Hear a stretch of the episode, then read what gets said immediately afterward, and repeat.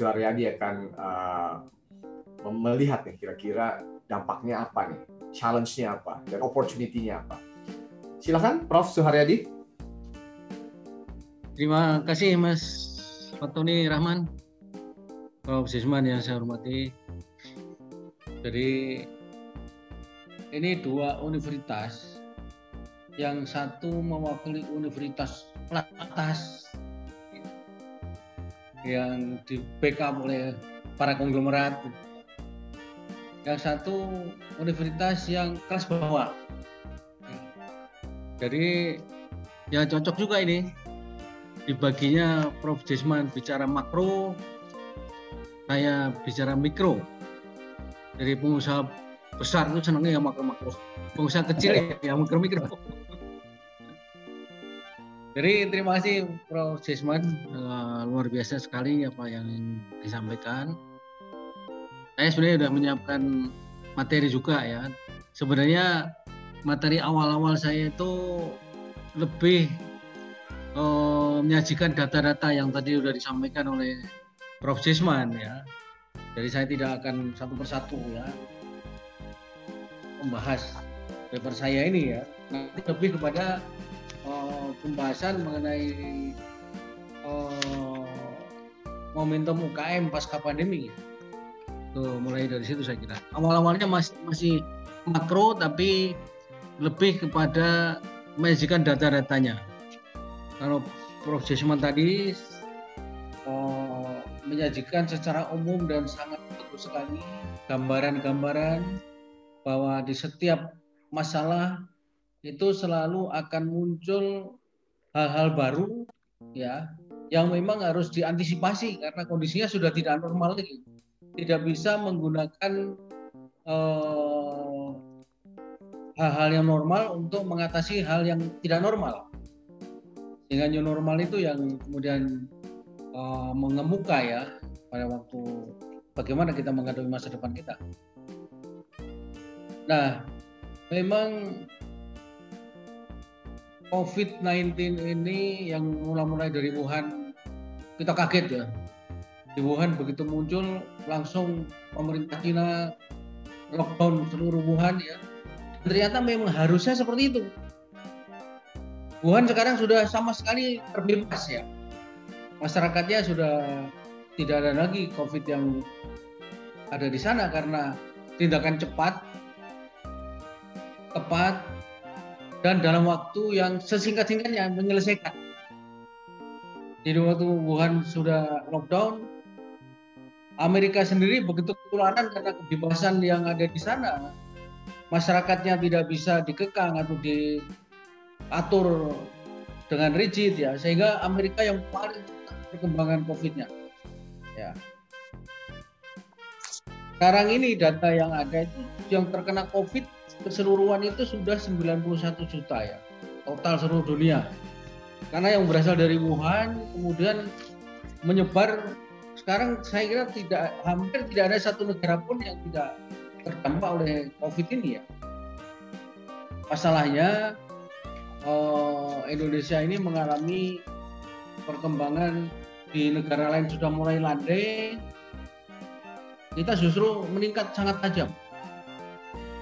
Dan jelas di samping penduduknya paling besar, di antara negara ASEAN ini yang juga masyarakatnya paling sulit diatur, ya, sehingga kemudian positif rate-nya itu paling tinggi, di atas 20 persen Indonesia akhir-akhir ini. Tadinya itu antara 3 5,5 persen itu masih sangat normal ya.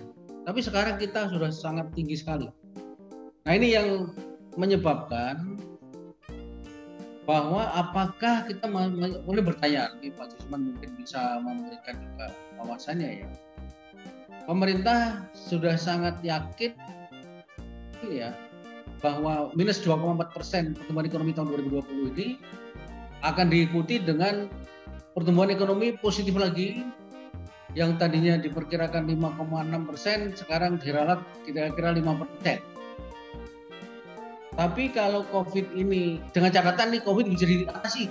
Ini eh, asumsinya COVID bisa diatasi itu baru kemudian oh, pertumbuhan ekonomi bisa seperti yang diharapkan bersama. Tapi melihat kondisi terakhir-terakhir ini, saya khawatir ya, prediksi 5% ini tidak tercapai. Bahkan mungkin ya mudah-mudahan tidak minus lagi ya. Tetapi seperti Prof. Jisman sampaikan tadi, kalau ingin menjadi negara maju pada 2045, kan minimum pertumbuhan ekonomi rata-rata 7 sampai 8 persen. Tadinya 5 lima setengah persen saja kita hanya berhenti di middle income tracks ya, types ya. Jadi itu kita terbelenggu di situ. Nah, sekarang dari COVID dan tidak bisa diatasi, masyarakat juga jenuh dengan kondisi PSBB, PMKM dan lain sebagainya hingga sulit diatur ini makin memperberat situasi yang kita hadapi di masa yang akan datang. Ini yang makin menyulitkan kita ya. Nah, saya terusin saja eh, karena Pak Jusman sudah menjelaskan secara menyeluruh tadi. Nah, mungkin di masuk ke terus terus terus. Terus saja ini ini anu aja. Apa? Ya terus. Nah kondisi resesi tahun 2020 terus. Lanjut lagi. Terus. Nah ini uh, kita kan dengan pertumbuhan ekonomi yang minus ini sudah masuk ke dalam jurang resesi. Ini beberapa dampak negatif nih riset dari BCA ya yang menunjukkan bahwa akibat wabah COVID-19 ini itu ada yang terkena dampak sangat tinggi ya dalam konteks usaha keseluruhan yang omset turun di atas 30 persen, bahkan 80 persen. Banyak yang terjadi. Yaitu pariwisata itu paling terpukul ya. Tadi Mas Putu yang dari Bali itu sangat merasakan betul di Bali itu yang tadinya begitu ramai sekarang sepi.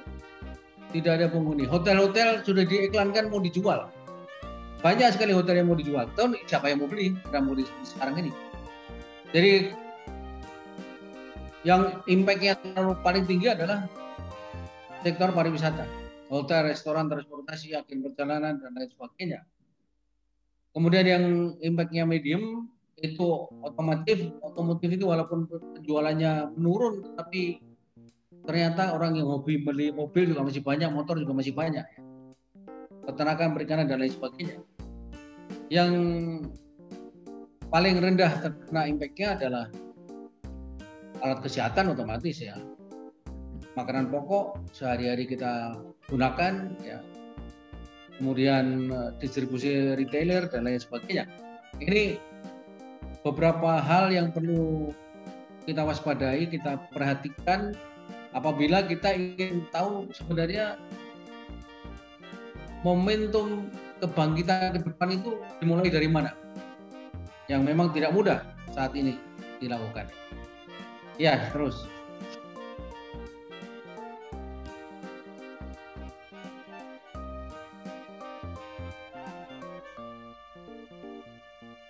Nah, ini sekedar untuk diketahui bahwa dengan adanya pandemi ini APBN kita juga jebol. Banyak sekali Prof. Jisman tadi sudah menyampaikan pemerintah melakukan berbagai upaya yang sangat luar biasa. Sebab kalau tidak dilakukan, itu mungkin tahun 2020 kemarin itu pertumbuhan ekonomi kita bisa minus 5 persen. Kalau tidak ada suntikan dana dari pemerintah ke berbagai sektor, bisa jauh lebih tinggi lagi terperosoknya kita dalam pertumbuhan ekonomi yang minus ini. Tetapi untuk mengatasi itu seperti apa? Ya sekarang paling gampang mengutang. Utang kita meningkat luar biasa. Ini untuk menutupi defisit APBN saja tahun 2020 itu eh, mencapai 1039 triliun. Dan ini sudah melampaui batas warning untuk utang yang sebenarnya dipatok tidak boleh lebih dari tiga persen sebelumnya. Tetapi dengan Perpu Pak Jokowi itu dengan kondisi yang sangat luar biasa ini, pemerintah boleh melakukan pinjaman yang melebihi dari tiga persen dari PDB produk domestik bruto. Dan sekarang itu tahun 2020 utang kita untuk menutupi defisit APBN itu 6,34 persen dan tahun 2021 diperkirakan turun sedikit menjadi 5,7 persen. Ya. Tanpa itu kondisi ekonomi kita semakin parah keadaannya. Ya, terus. Nah ini eh, memang defisit APBN ini sebagian besar digunakan untuk mengatasi pandemi dalam konteks kesehatan kita. Tadi Pak Antoni sudah menyampaikan bahwa kita ini oh, harus menyediakan uh, vaksin ya, yang Pak Jokowi sudah dua kali suntik. Kita yang di ruangan ini belum ada yang suntik ya, belum kebagian ya, karena sekarang masih tua takut. nakes semua. Kalau Pak Jesman tidak perlu suntikan, saya juga enggak kayak kita kita santai-santai aja. Ya. Iya. Nah tadi saya punya data bahwa vaksin itu memang sekarang vaksin ini kan diproduksi oleh beberapa negara dan sebenarnya uji vaksin ini juga belum belum ideal tapi karena kebutuhan mendesak walaupun uji belum ideal sudah terus harus digunakan Nah, karena hampir semua negara butuh vaksin, maka sebenarnya kecepatan pemerintah kita di dalam memesan vaksin ini menjadi penting. Ya. Karena kita pertama kali yang kita dekati adalah Sinovac yang dari Cina, maka sebagian besar pemesanan kita adalah Sinovac. Sinovac ini 120 setengah juta vaksin ya. Kemudian Covax 54, Pfizer 50, AstraZeneca 50, Novavax 50. Ya Novavax itu uh, uji terakhir katanya bagus sekali hasilnya. Ya. Tapi kita dapatnya kapan belum tahu karena ini kan antri semua negara semua negara itu antri. Jadi kalau kita bisa sesuai dengan rencana Pak Jokowi dalam katakanlah 2020 sampai pertengahan 2021 itu seluruh 329,5 juta vaksin yang kita pesan sudah bisa datang dan 70 persen penduduk kita sudah divaksin, maka secara global Indonesia, secara menyeluruh nasional, kita bisa mengatasi dalam tanda petik ya, mengatasi dalam artian 100 persen nggak mungkin.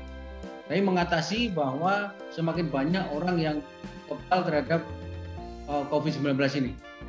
Nah ini baru kita bisa melangkah lebih lanjut. Artinya sampai pertengahan 2022 ini kita masih harus prihatin. Itu yang harus kita kita lakukan. Nah, ini dampak berikutnya saya langsung ke ke masalah ini aja ya karena ini tidak penting terlalu waktunya nanti terlalu banyak. Momentum UM, UMKM ya. Langsung diambil di momentum UMKM. Ini, urusannya terus terus terus. Terus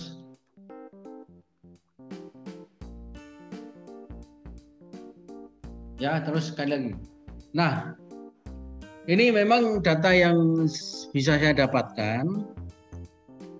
Oh, penelitian beberapa bulan setelah pandemi berlangsung itu di Indonesia, Filipina, Thailand, Laos. Dampak sementara dari data yang ada, ya saya tidak tahu nih mudah-mudahan karena memang sumbernya yang ada cuma di sini.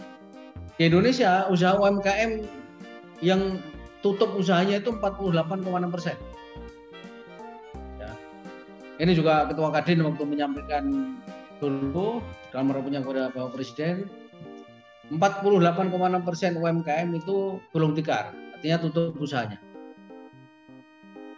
Yang mengalami penurunan permintaan domestik 30,5 persen, yang mengalami gangguan rantai pasok 19,8 persen, dan yang mengalami pembatalan kontrak 14,1 persen. Ini ini data yang saya.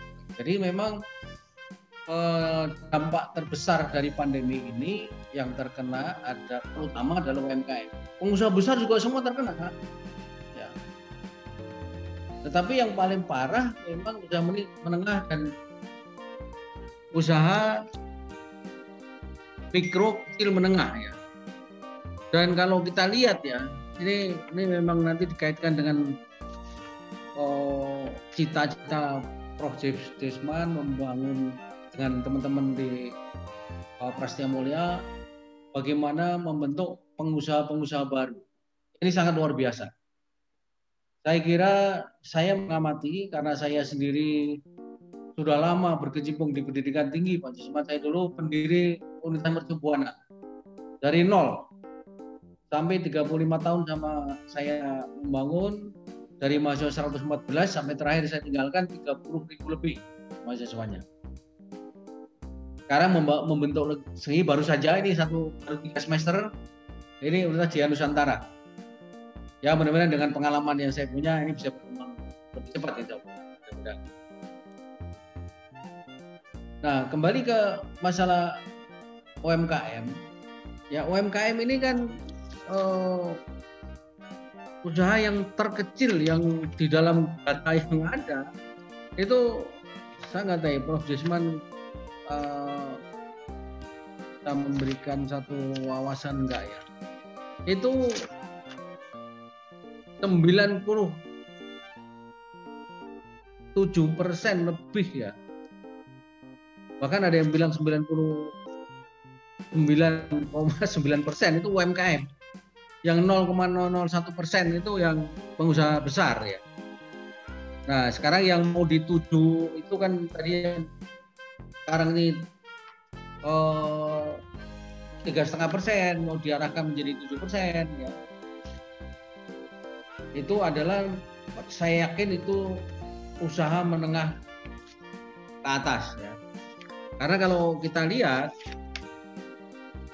usaha mikro itu adalah kalau per definisi ya usaha mikro yang paling kecil itu memiliki kekayaan bersih paling banyak 50 juta tidak termasuk tanah dan bangunan. Memiliki hasil penjualan tahunan paling banyak 300 juta. Itu sudah mikro ya. Nah sekarang Bu Sri Mulyani karena ada kur itu ada ultra mikro lagi yang definisinya belum ada tapi di bawah itu artinya bagaimana pemerintah membantu masyarakat sehingga dia bisa berusaha dari bantuan pemerintah itu nah dalam prakteknya seperti apa ya kita belum tahu terlalu dini untuk kita lihat ya. Usaha kecil itu KKN bersih 50 juta sampai dengan 500 juta. Nah saya kira kalau lulusan dari BINUS kecuali itu karena warisan dari orang tuanya itu bisa aja sampai triliunan juga ada ya. Tetapi kalau mulai dari usaha sendiri ya kisarannya di usaha kecil itu 50 juta sampai 500 juta. Dan usaha menengah itu 500 juta sampai 110 miliar. Dengan hasil penjualan tahunan 2,5 miliar sampai 50 miliar. Itu menengah dan yang besar itu di atas 50 miliar. Nah, seperti Pak Desman tadi sampaikan, generasi Prof. Desman ini kan generasi yang mendambakan pendidikan setinggi-tingginya Nah, saya melihat memang teman-teman Pak Gisman ya, semakin tinggi jabatan seseorang, semakin tinggi pendidikan seseorang, itu semakin tidak berani berusaha. Prof. Gisman. Ya. Jadi semakin nyaman untuk jadi pegawai.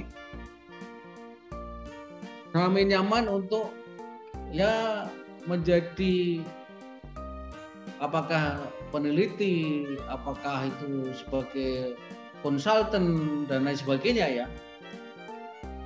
Bahkan sering kali dia konsultan pengusaha-pengusaha besar, tapi dia sendiri nggak bisa berusaha. Nah, ini yang sering kali terjadi termasuk anak saya pada waktu saya kirim ke Australia, dia saya minta mengambil bisnis.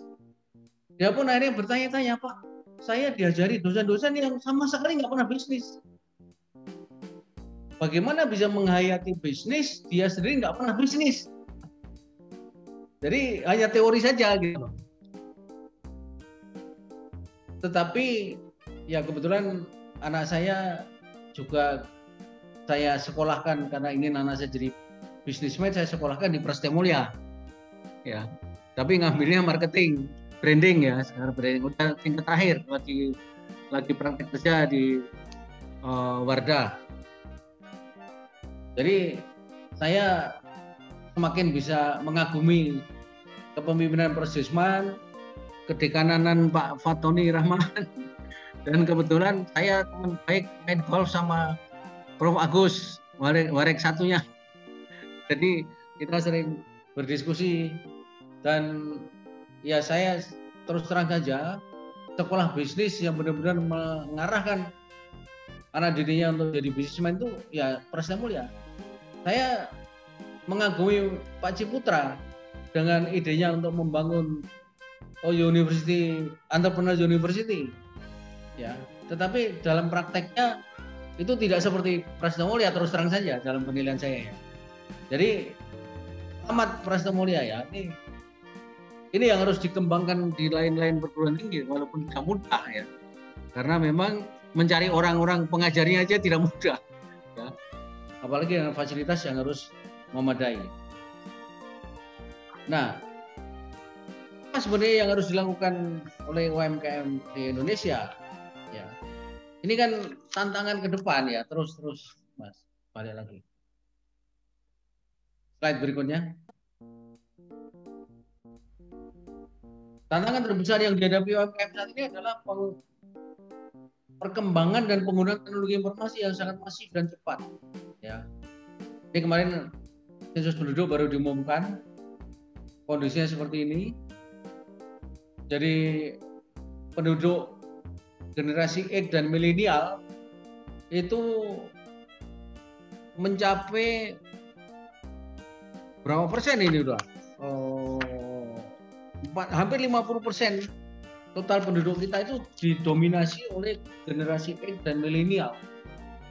Yang ini sebenarnya eh, dikatakan kita menghadapi bonus demografi itu tapi bonus demografi ini kan menjadi bencana kalau penduduk generasi muda kita ini tidak terdidik dan tidak mampu menciptakan lapangan kerja, semuanya ingin bekerja, sedangkan yang menyediakan lapangan kerja jauh makin terbatas, apalagi kena pandemi seperti ini, ini ruwet masalah Pak Jasman, semakin ruwet ya kondisi kita. Karena generasi X dan milenial ini yang seharusnya dia bisa memberikan lapangan pekerjaan kepada masyarakat lainnya itu justru mencari mencari kerja. Sekarang PHK terjadi di mana-mana. Ya. Banyak usaha-usaha yang belum tingkat ya. Ini sangat-sangat berat kondisinya. Nah seperti saya katakan tadi kita ini di dalam hal penggunaan oh, digital kita itu sangat besar. Jadi kalau kita bandingkan saja Indonesia itu populasinya 260 270,2 juta sekarang ini yang menjadi mobile customer ini 124 persen dari seluruh penduduk. Ya. Kemudian internet usersnya itu 64 persen dari seluruh penduduk. Artinya itu dihitung sampai bayi-bayi dihitung bisa menggunakan internet saja seperti itu. Kemudian aktif di sosial media itu 59% dari total penduduk. Ini potensi yang sangat luar biasa asal benar digunakannya secara benar ya. Bukan hanya untuk merumpi, bukan hanya untuk saling menghujat. Yang sekarang ini berkembang seperti itu. Ini yang harus kita kita bangun ke depan. Nah, UMKM tidak bisa lepas dari penggunaan mat, uh, digital ini sudah otomatis.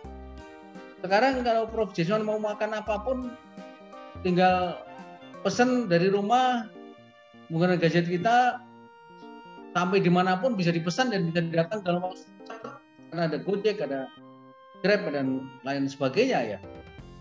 Nah ini ini UMKM yang bisa memanfaatkan teknologi itulah yang sekarang masih bisa bertahan hidup. Dan pandemi ini kalau dilihat dari sisi positifnya, itu memasyarakatkan digital itu menjadi sangat cepat itu selama pandemi ini. Hampir semua orang menggunakan medsos kita ya, untuk keperluan apa pun. Oleh karena ke depan ini sudah otomatis tidak bisa dihindari. UMKM yang tidak me, terbiasa menggunakan itu ya otomatis akan gulung tikar terus lamanya. Karena memang pasca pandemi itu tidak mungkin terlepas dari hal-hal seperti itu. Nah, saya membayangkan dari semua urian itu satu terus lagi slide berikutnya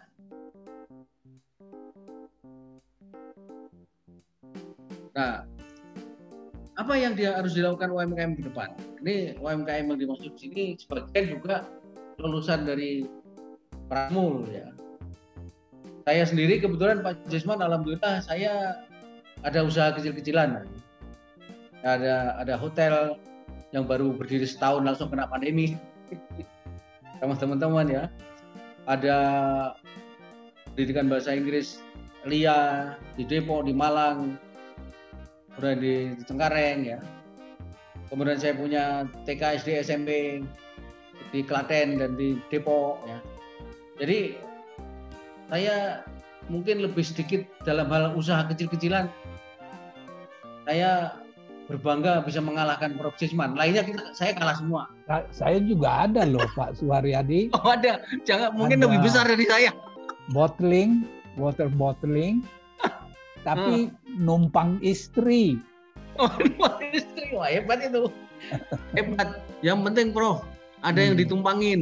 ya. Daripada nggak ada yang bisa ditumpangin. Jadi, uh, nah sekarang dengan saya keluar dari Pertubuhana, saya mendirikan uh, di Nusantara sama beberapa teman. Ya, kita bertiga, Prof. Ya, mudah-mudahan bisa berkembang ke depan lebih baik. Ya. Jadi intinya begini, bagaimanapun saya melihat ya, bahwa keberhasilan satu usaha itu tidak terlepas dari satu mentalitas yang kuat itu pasti ya harus mentalitas yang kuat. Karena kalau nggak kuat baru kena kebentur dikit ah mendingan kerja daripada jadi pengusaha. Anu susah-susah seperti ini gitu. Itu ada selesai di situ. Itu banyak yang yang terjadi seperti itu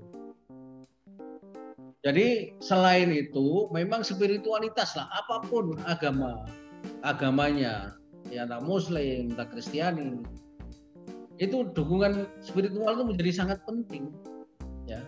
Jadi kalau oh, dari segi mentalitas itu bagaimana menentukan target yang jelas dan terukur bagaimana daya juang dalam berusaha harus kita tingkatkan kemudian menciptakan sikap pantang menyerah kita menghadapi menghadapi kegagalan. Itu itu ya jiwa-jiwa kayak gitu tuh setelah anu ya itu seolah-olah ah semua orang ngomong gitu. Tapi itu memang benar tanpa itu nggak mungkin. Tanpa itu nggak mungkin. Jadi kalau spiritualitas mentalitas yang kuat terus ditumbuhkan dengan jiwa kewirausahaan yang ulet, optimis, pantang menyerah, kreatif, inovatif ya itu kan sesuatu yang klise sebenarnya ya. Semua orang ngomongin seperti itu. Ya tapi kalau nggak begitu nggak berhasil. Kalau nggak itu nggak berhasil. Apalagi menghadapi tantangan covid seperti sekarang ini waduh tidak mudah. Nah tetapi kalau sudah begitu maka untuk mempercepat proses eh, slide berikutnya ya. Itu tidak bisa dipungkiri peran pemerintah menjadi sangat penting jadi seperti Prof. Jisman sampaikan tadi, slide berikutnya.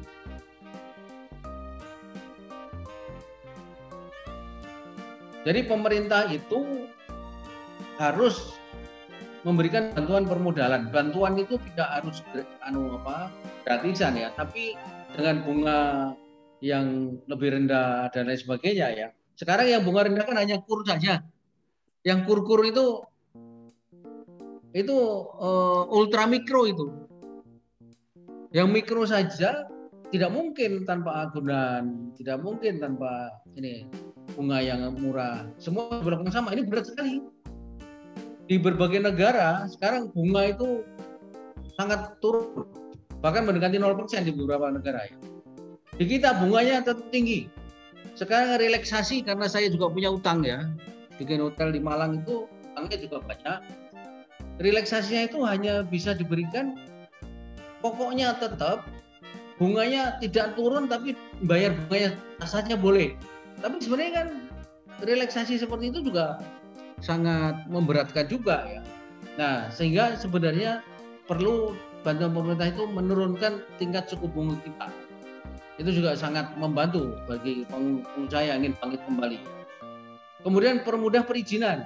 Nah, sekarang Pak Jokowi kan selalu di mana-mana mempermudah perizinan segala macam ada undang-undang yang baru, cipta kerja segala macam itu tujuannya seperti itu. Ya mudah-mudahan berjalan dengan baik ya. Kemudian menyiapkan UMKM sehingga mampu melakukan transformasi digital dan membuka akses pasar. Ini kira-kira yang harus dilakukan pemerintah seperti itu. Nah, ini ada tips saja. Ini berikutnya, slide berikutnya. Jadi Ki Hajar Dewantoro yang sebelum kemerdekaan itu sudah memberikan tip kepada kita. 3T titeni tiru tambahi. Ya titeni itu amati atau observasi. Melakukan pengamatan terhadap produk-produk yang sudah eksis yang sudah mempunyai keunggulannya kelemahannya masing-masing itu dilihat di observasi betul. Kemudian yang kedua tiru meniru menduplikasi membuat produk yang serupa sampai kalau bisa sama persis tetapi harus ditambah yang T3, tambahi modifikasi. Melalui inovasi baru, membuat modifikasi terhadap produk yang sudah eksis sehingga produk kita punya unik keunikan tertentu dan lebih unggul dibanding produk yang ada sekarang. Ini baru bisa bersaing begitu. Nah, kalau kita lihat kan Jepang, kemudian oh, Korea, Samsung ini kan sebenarnya tadinya juga meniteni iPhone seperti apa, Nokia seperti apa, dia tiru, kemudian dia tambahi sehingga lebih berhasil sekarang Samsung dibandingkan iPhone sendiri pun. Ya. Mobil-mobil Jepang pada waktu itu jauh lebih efisien daripada mobil Amerika sehingga laku di pasaran dengan cepat. Nah, Cina ini terkenal sekali dengan 3T-nya. Hampir semua produk Cina itu hasil meniru. Ya. Tapi kemudian dia tambahi dan sukses Cina sekarang mengalahkan Amerika malahan secara ekonomi hampir ya. Dan terakhir saya kira slide saya yang terakhir membangun momentum kebangkitan UMKM secara konkret. Ya. Terakhir ya slide paling akhir. Saya mempunyai tiga formula sebelumnya ya. Satu memanfaatkan teknologi informasi e-commerce. E-commerce itu rupanya udah di ini kan jadi e-dagang ya. Jadi eh, terjemahnya e-dagang bahasa Indonesia-nya. Dengan pengguna internet di Indonesia yang mencapai 175 juta orang, Indonesia adalah pasar yang sangat besar dan potensial untuk UMKM jika UMKM dapat memanfaatkan sistem e-commerce dengan sebaik-baiknya. Potensi ini akan semakin besar jika UMKM dapat go global. Karena memang ekspor UMKM kita itu masih kecil sekali, baru 14 persen secara nasional. Sehingga itu memang harus dimaksimalkan. Maksimalkan 3T tadi, ya dengan sebaik-baiknya. Ya. Jadi harus lebih kreatif dan inovatif. Saya punya anak teman saya itu lulusan Prasetya Mulia, karena buka tukang cukur, tadinya sukses sekali tukang cukur di mana-mana dia buka di Padang dia di Jakarta dia oh, sampai beberapa kota. Cepat sekali masih muda. Belum ada 30 baru lulus kan 21 22 dia melejit betul umur 25 sampai akhirnya putus sama pacarnya gara-gara ngurusin uh, uh, usahanya ya. Tapi sukses itu. Cuman sekarang memang berat dengan kondisi pandemi. Itu kan nyukur kan harus berada pada muka ya. Susah juga ini berkembangnya ya tapi itu uh, itu salah satu yang saya lihat luar biasa lulusan dari sehingga dia sekarang switch ke beberapa kegiatan lain. Tapi tetap berusaha karena dia orangnya kreatif tanpa menyerah daya juangnya sangat tinggi ya. tidak puas dengan kondisi yang ada saat ini. Tantangan ada ini tidak bisa diatasi tidak bisa diteruskan. Dia pindah ke tempat lain yang kemudian bisa berkembang lagi kemudian yang terakhir adalah bagaimana mengoptimalkan potensi generasi X dan Y ini. Jadi bagaimana bonus demografi yang selalu digembar-gemborkan oleh semua pejabat Indonesia kita sedang mengalami bonus demografi.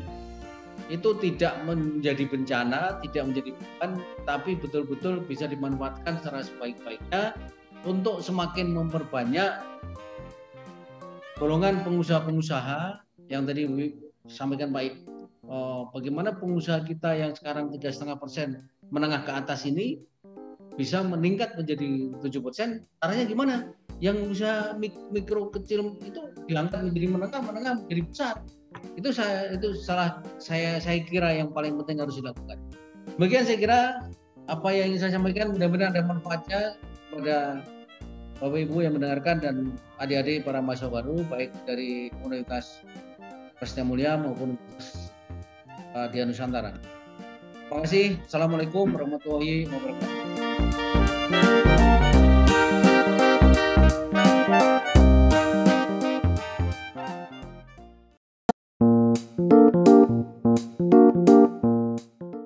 saya akan persilahkan Prof. Cisman untuk memaparkan mengenai uh, kebijakan makroekonomi Indonesia 2021. Silakan Prof. Terima kasih Bung Ketoni. Prof. Suharyadi yang saya hormati, kawan-kawan dari Dian Nusantara, begitu juga kawan-kawan dari Universitas Prasetya Mulia, mahasiswa yang saya hormati selamat pagi, selamat datang ke acara kita hari ini yang saya harapkan akan memberikan paling sedikit satu atau dua utas oleh-oleh yang bisa kita bawa pulang nanti untuk dicerna lebih lanjut. Dalam acara seperti ini, hanya bagian yang sangat kecil dari kehidupan ini yang bisa kita bicarakan. Tetapi bagian kecil itu dapat kita rangkai dalam perjalanan waktu untuk memberikan suatu perspektif yang lebih komprehensif. Nah, saudara-saudara, kita berhadapan dengan masa yang sangat susah. Apakah slide saya yang satu itu dapat ditayangkan? Isti ada nggak di situ? Iya Pak, sedang disiapkan. Oke, sudah Pak. Terus, terus, terus, terus. Oke, oke. Oh, balik satu.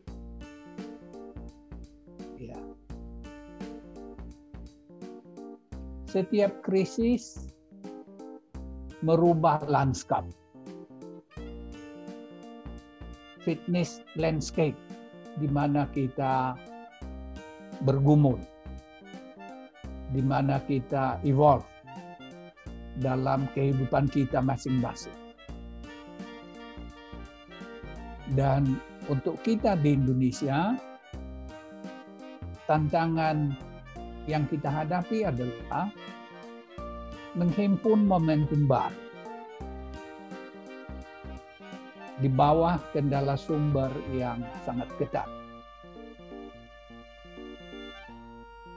Momentum ini sangat penting karena tadi Bung Fatoni menyinggung bahwa di ASEAN bukan kita yang tercepat. Dan dari pengalaman tetangga-tetangga kita di Asia Timur,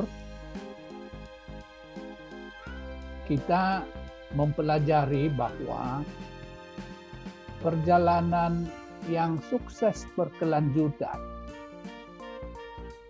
dari negara pendapatan rendah ke negara pendapatan sedang dan dari situ ke negara berpendapatan tinggi memerlukan apa yang disebut sebagai kecepatan lepas. Escape velocity. Yang memungkinkan kita lepas dari kungkungan gravitas. Dan kalau di kehidupan sosial, kungkungan gravitas ini dapat dibayangkan sebagai kungkungan kemiskinan. Nah, kalau Indonesia mau menjadi negara maju tahun 2045, pertumbuhan yang kita perlukan paling tidak adalah 7 sampai 8 persen per tahun. Kalau hanya 5 persen, kita akan tetap bergumul dalam yang disebut sebagai perangkap pendapatan sedang middle income trap. Karena itu tantangan besarnya bagi Indonesia adalah menghimpun momentum sehingga kita bisa mencapai kecepatan lepas, escape velocity. Dan yang harus menghimpun ini bukan generasi saya lagi atau Pak Suharyadi. Kita sudah lewat atau kami sudah lewat. Yang harus menghimpun ini adalah mereka yang sekarang duduk di bangku mahasiswa dan barangkali dalam 20 tahun dari sekarang berada di puncak karir mereka. Slide selanjutnya.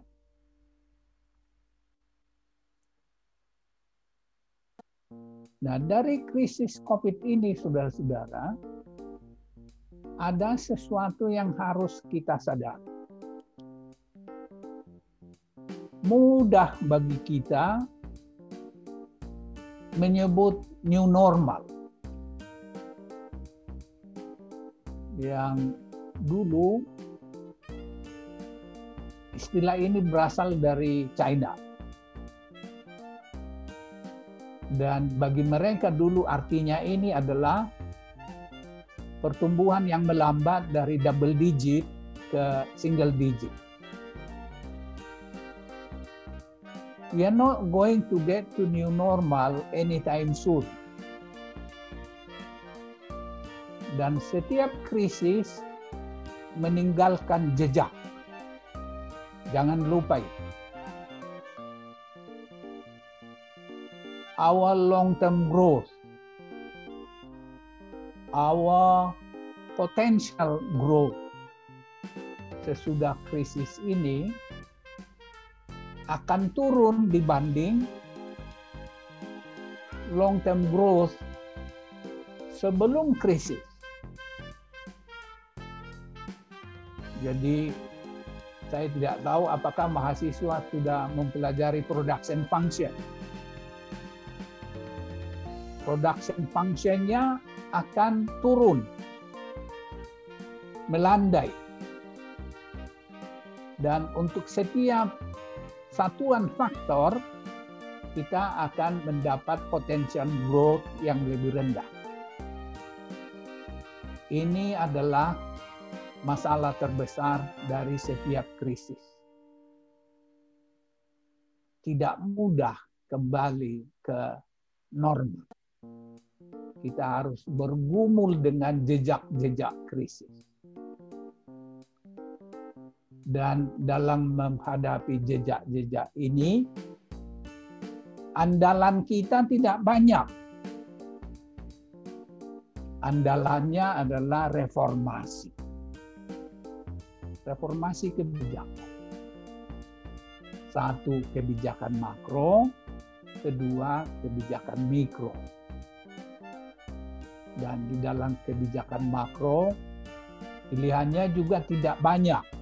Ada kebijakan fiskal, ada kebijakan moneter. Dan jangan lupa, saudara-saudara, bahwa kita tumbuh hanya negatif 2,4 tahun 2020, bukan minus 5, hanya bisa karena stimulus yang luar biasa besar.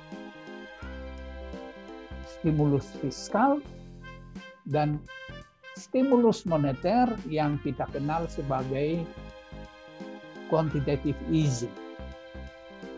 Kebijakan moneter yang unconventional. Bank Indonesia membeli surat utang pemerintah. Maka itu istri saya selalu bercanda kepada saya belakangan ini, oh, uang kita semua licin terus sekarang ini. Licin terus karena baru dicetak. Dan jangan lupa, ini utang.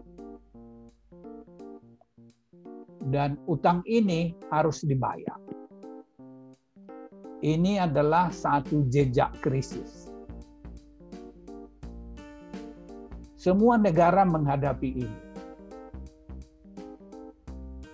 Sooner or later, kita akan membayar bunga yang lebih tinggi, lebih besar, akan harus mencicil utang kita. Moga-moga bisa dengan utang baru, mencicil dengan utang baru.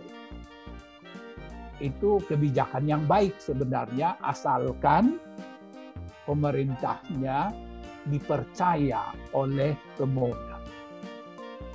Kalau tidak dipercaya, terpaksa harganya diturunkan dan kalau itu dilakukan tingkat bunganya akan naik, investasi akan melesu dan seterusnya.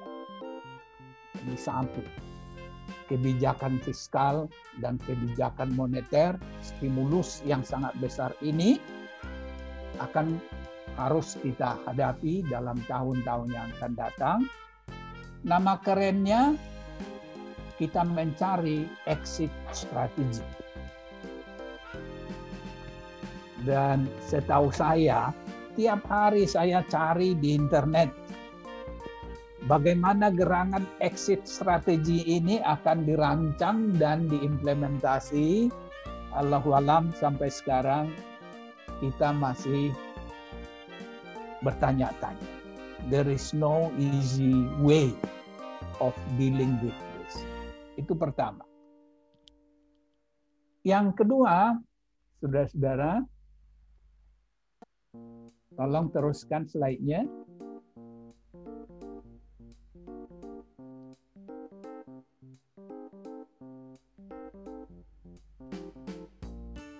Sebelum COVID ini, sebenarnya kita sudah berhadapan dengan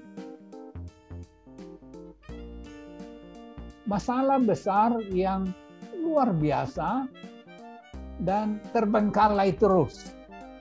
Kita letakkan di bawah karpet. Terlalu maju ini slide-nya. Saat ke belakang lagi. Terus ke belakang lagi. Krisis ini sebagian berkaitan dengan climate change.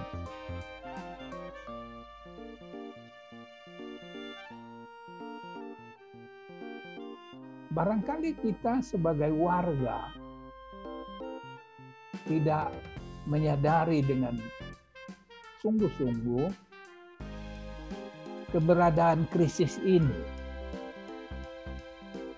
Kita bergumul sehari-hari dengan urusan kita masing-masing, sementara krisis ini memburuk, memburuk, memburuk.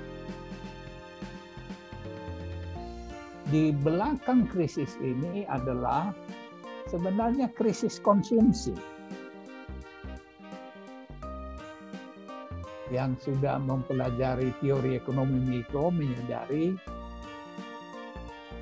bahwa kita berkata kepada pelajar ilmu ekonomi kesejahteraan adalah fungsi dari Q quantity.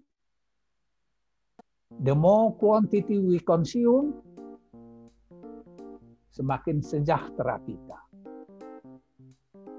alhasil saudara-saudara umat manusia yang 7,8 miliar sekarang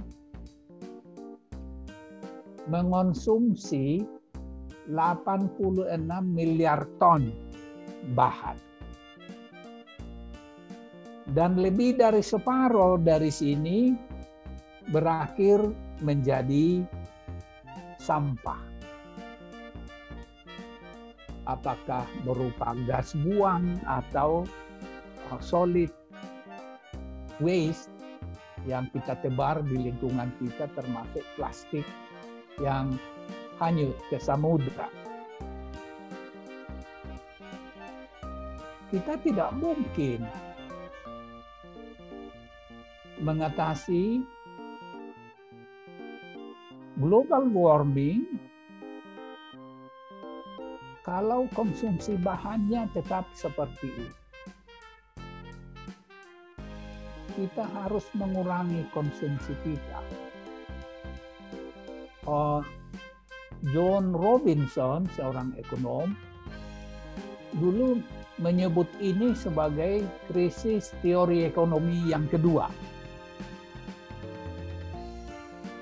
Dan krisis teori ekonomi ini terjadi karena teori ekonomi yang dipakai mengatasi krisis yang pertama krisis teori yang pertama itu merupakan teori klasik yang menganggap bahwa yang penting di dalam ekonomi hanya produksi. Apa pun yang diproduksi akan dikonsumsi. Tetapi ini krisis mengalami krisis tahun 30-an yang kita, kita kenal sebagai The Great Depression. Ternyata tidak semua yang diproduksi dengan sendirinya dikonsumsi. Pada waktu itu muncullah teori Keynes yang berintikan aggregate demand, terutama konsumsi konsumsi, konsumsi, konsumsi. Alhasil kita menghadapi sekarang krisis karena maksimasi konsumsi. Jadi bersama coronavirus 19 kita juga menghadapi climate change, global warming rising sea surface, permukaan laut yang naik, dan gejala-gejala lain yang lahir dari situ. Dan coronavirus ini jangan dianggap akan hilang begitu saja. Di sekeliling kita hidup sekitar 1.200 spesies kelelawar dan setiap spesies ini membawa sekitar tujuh ekor virus. Juga kita hidup di sekitar kita hidup tenggiling. Di sekitar kita hidup bebek.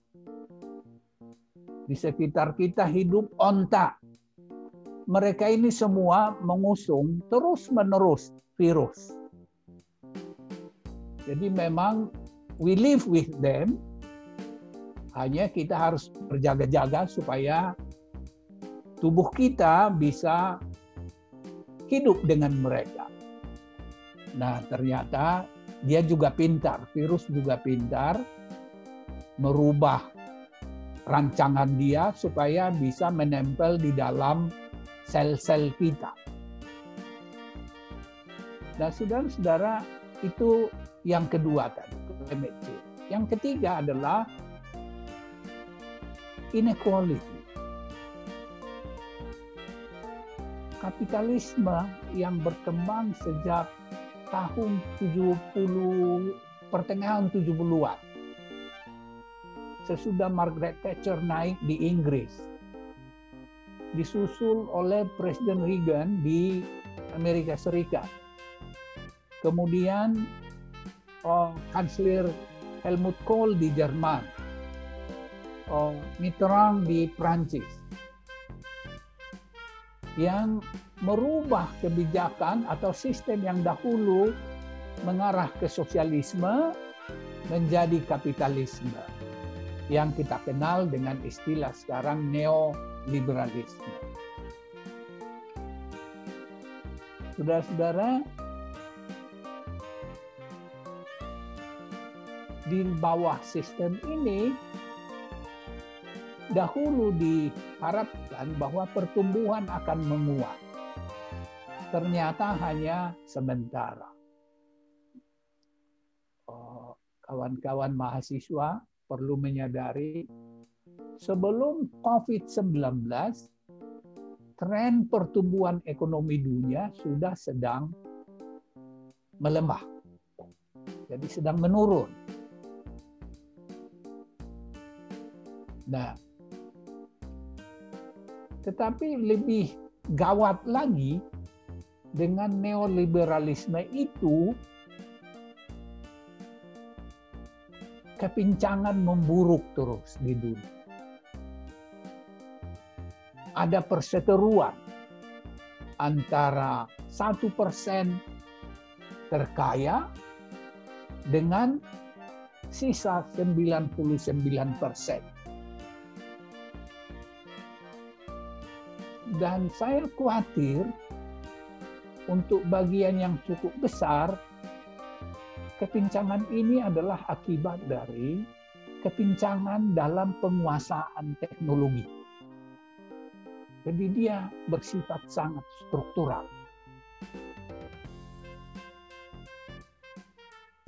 Dan kita tahu dalam evolusi kehidupan kita, di samping warisan genetik kita, yang paling kita andalkan selalu adalah teknologi.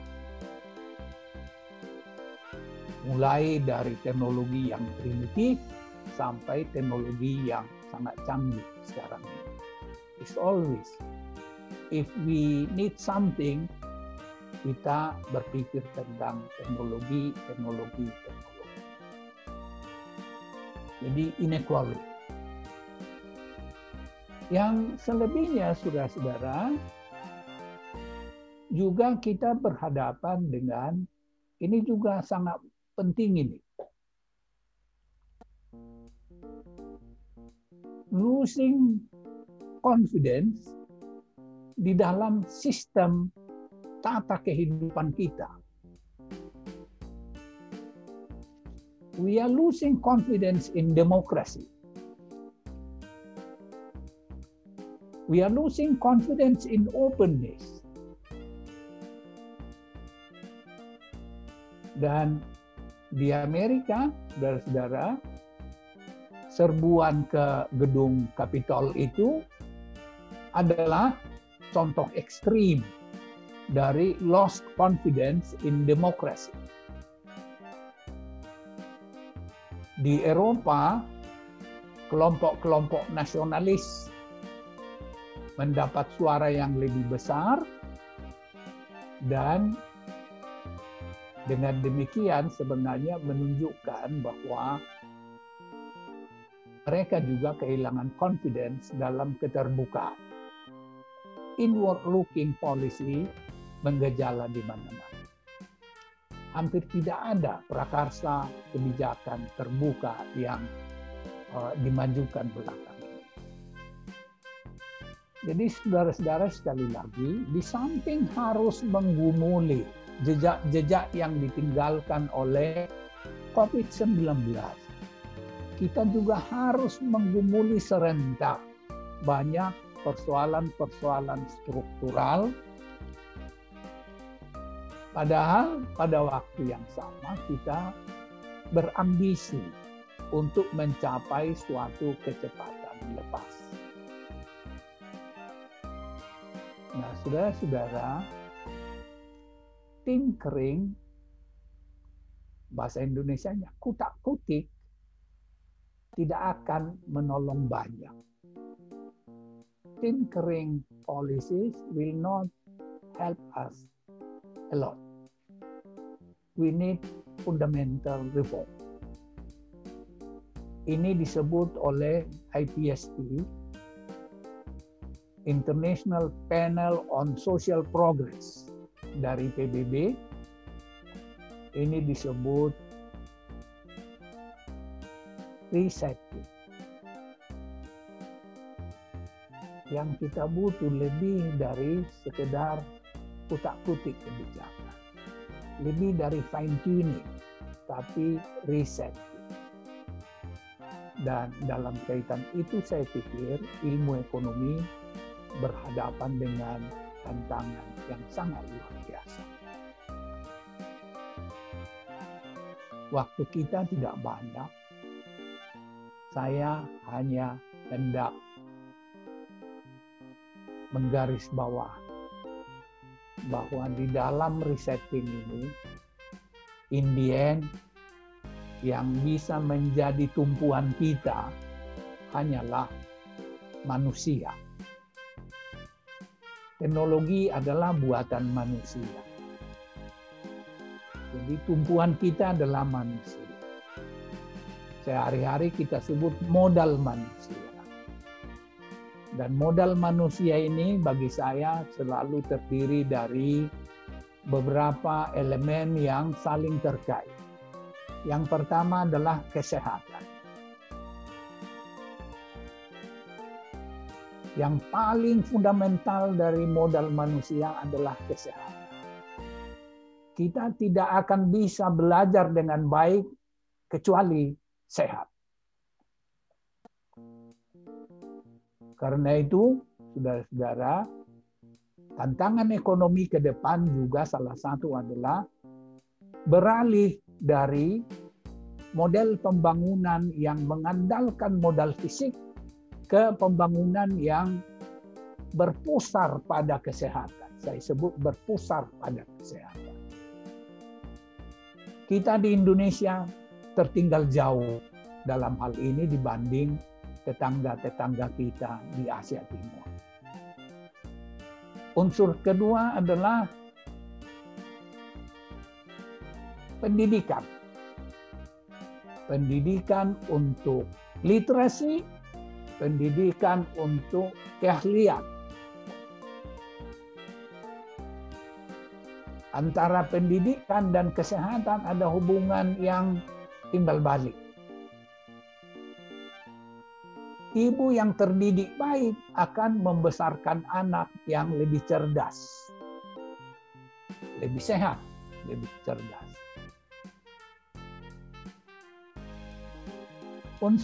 Dan pendidikan ini sekali lagi literacy and skill.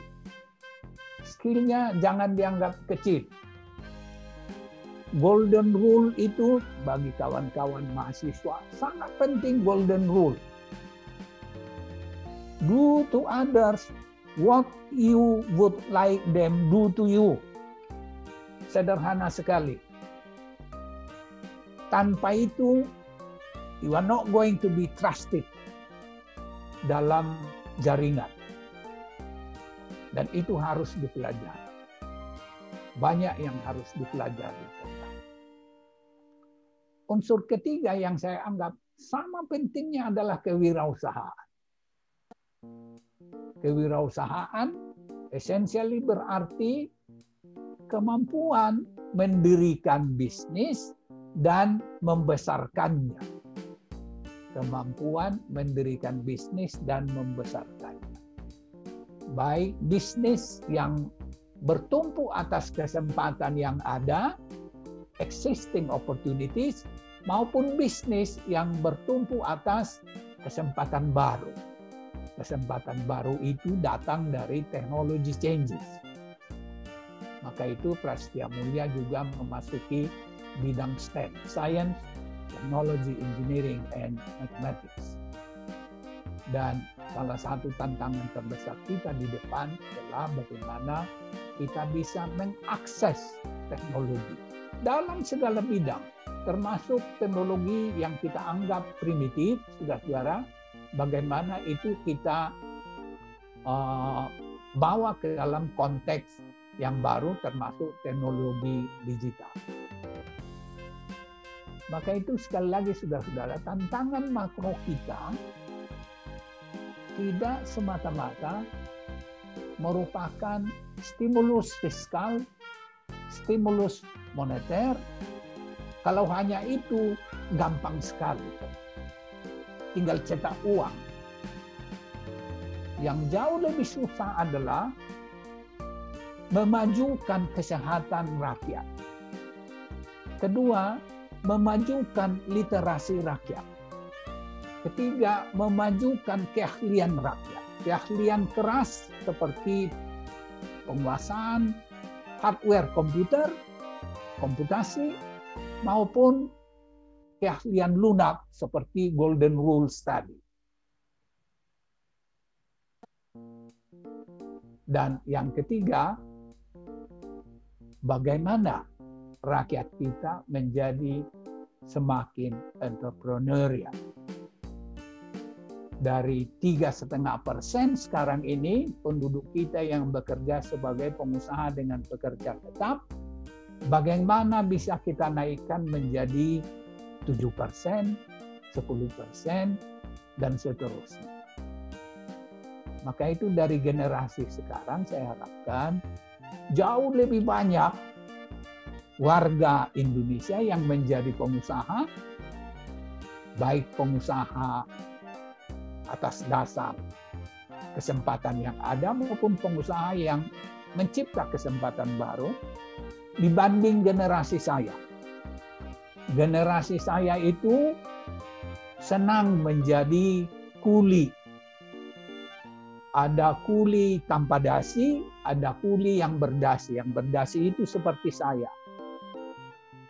Dan saya pernah meneliti ini. Saya temukan semakin tinggi pendidikan, semakin tinggi kemungkinannya seseorang menjadi pegawai. Apakah di pemerintah atau di swasta. It has to come to an end. Otherwise Indonesia tidak akan bisa keluar dari yang kita sebut middle income trap. Jadi sekali lagi saudara-saudara, uh, don't simplify tantangan kita yang ada di depan. Stimulus akan tetap diperlukan, tapi bersama itu bangkitkan semangat kesehatan, bangkitkan semangat pendidikan, bangkitkan semangat kewirausahaan. Dan saya harap kita berdua Universitas Prastia Mulia dan Universitas Dian Nusantara bisa menjadi agen kemajuan dalam hal. Mencoba memberikan sumbangan sekecil apa pun untuk merubah uh, merubah kecondongan rakyat kita menjadi pekerja untuk menjadi pengusaha. Demikian Bung Fatoni, kalau terasa agak ngelantur, memang evolusi itu sering ngelantur. Terima kasih dan selamat belajar.